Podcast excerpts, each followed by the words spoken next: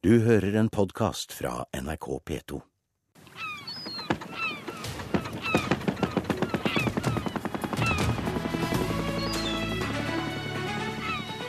Politisk sommerintervju i Nyhetsmorgen. Her på torget i Alta nå så er det jo ganske artig. Her er det alt fra spanske skinker til eh, tysk Haribo-godter. Og vi har belgiske vafler her. Vi har eh, fransk ost. Og vi har greske oliven. Og da er jo naturlig at jeg i solidaritet med det greske folket ønsker å eh, gå og kikke litt på de olivene. Jeg er da Tommy Berg, første kandidat for eh, Alta SV. Og eh, Alta kommune er en vekstkommune i Finnmark. Den største kommunen i Finnmark, med i rett i underkant av 20 000 innbyggere. Vi er 19 900 og noen av 40 innbyggere PT. Så om noen dager så runder dere eh, 20 000? Ja, Om noen dager så runder vi eh, 20 000. Og eh, jeg tenkte jo i mitt lille stille sinn da jeg fikk jo et barn 21.6 at kanskje det kunne vært barn nummer 20 000, men det var det ikke. Gratulerer! Takk, takk. Det er jo litt artig å ha europeisk eh, marked i Alta, da. Og eh, det har vært litt artig å tenke på at hvis vi hadde vært i eh, Europa og skulle hatt europeisk marked, så hadde det jo ligget Alta-laks her på bordet. Og Alta-laksen det er jo identiteten til Alta. En av Europas beste lakseelver. Som er i fare for å kunne bli stort skada. Det går masse villaks opp gjennom elva, men det går enorme mengder med oppdrettslaks også opp gjennom elva. Som blander seg genetisk med denne villaksen. Og det ønsker vi i SV å få en stopper for. Man ønsker rømningssikre anlegg, helst i landføring av anleggene. Så vil man si da at nei, det er for dyrt, det er for, eh, det er for lite forskning på teknologien, det er for, eh, det er for lite man kan om det. Men eh, jeg tror jo at hvis det er næring som tjener så enormt med penger, skal fortsette å kunne gjøre det, så må de bli eh, på en annen måte. Og de må få rømningssikre anlegg, sykdomsfrie anlegg, og må sette stort fokus på det.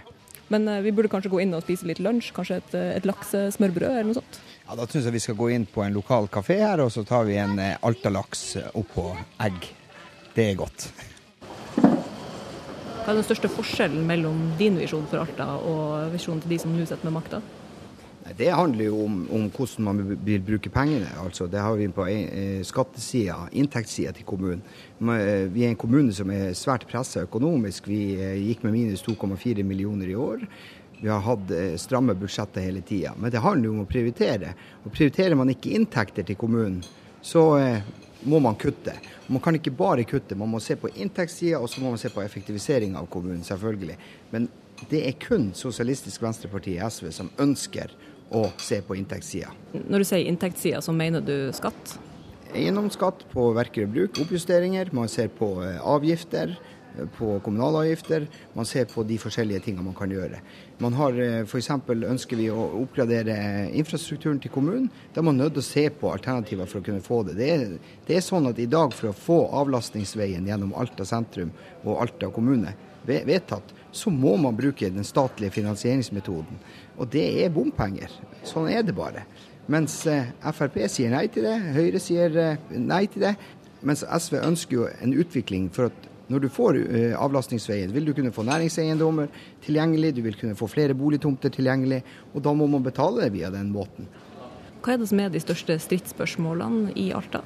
For vår del så er det jo eh, skole, det er barnehager, det er kommunale boligtomter. Altså en sosial boligpolitikk for alle. I dag har vi jo et vanvittig press på boligfronten i Alta. Vi har eh, så å si ikke kommunale tomter ledige, så det er klart at her er det et press i markedet. Og da vil du si at bruktboliger øker i pris, og man må få stabilisert markedet med at man til enhver tid har ledige kommunale tomter.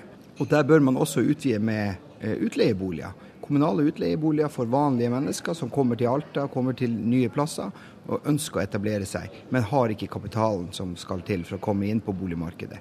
Hva er det første du skal gjøre når du tar på deg ordførerkjedet og setter deg til rette i kontorstolen? Hvis SV og eh, Tommy Berg blir ordfører, altså meg, så skal jeg øke pedagogtettheten i barnehagen. Fordi i starten du ser hva slags barn som trenger mest hjelp.